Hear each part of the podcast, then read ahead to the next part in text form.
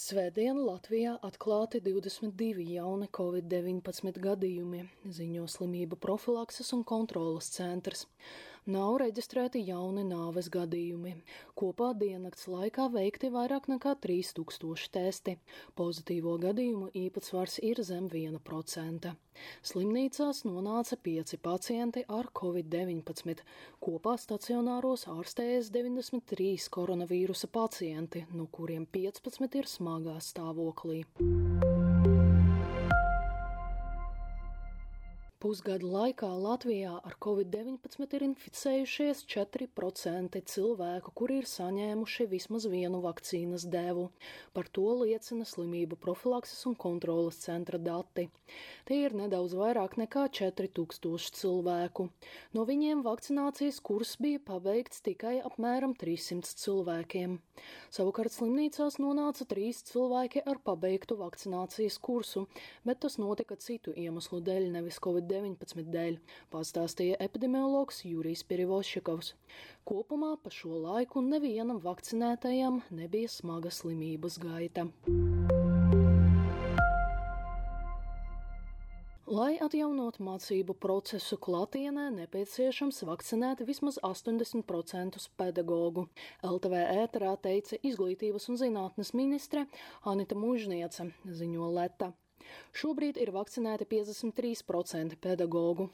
Ministra domā, ka ir iespējams sasniegt maksimālu vakcinācijas aptveri līdz septembrim. Obligāto vakcināciju mužniece redz tikai kā galējo rīcības scenāriju. Valsts iestāžu darbinieki varētu turpināt strādāt attālināti arī pēc pandēmijas beigām, ziņo Leta. Valsts kancelē rosina, ka katra iestāde var izstrādāt sev piemērotos darba nosacījumus un individuāli ļaut darbiniekiem strādāt attālināti. Tas prasītu nākotnē pielāgot tehnikas iegādi, pieeju informācijas sistēmām un sanāksmju organizāciju. Beļģijā pirmo vakcīnas pret covid-19 devu ir saņēmuši ap 77% iedzīvotāju. Tā ieskaitā Delfi žurnāliste Laura Dzērve, ziņo Delfi Plus. Beļģijas panākuma atslēga ir gadiem ilgs darbs pie tā, lai sabiedrība vispār kopumā uzticētos vakcīnām, teica Beļģijas vakcinācijas operatīvās grupas pārstāve Gudruna Brijata.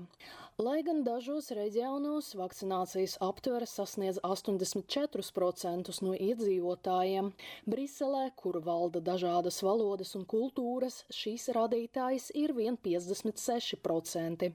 Vakcinācijas organizatori to skaidro ar grūtībām uzrunāt visu kultūru pārstāvjus, kā arī ar zemāku izglītības līmeni atsevišķajās galvaspilsētas daļās. Covid-19 dienas apskatu sagatavoja Ksenija Kaļesņikava portāls Delfi.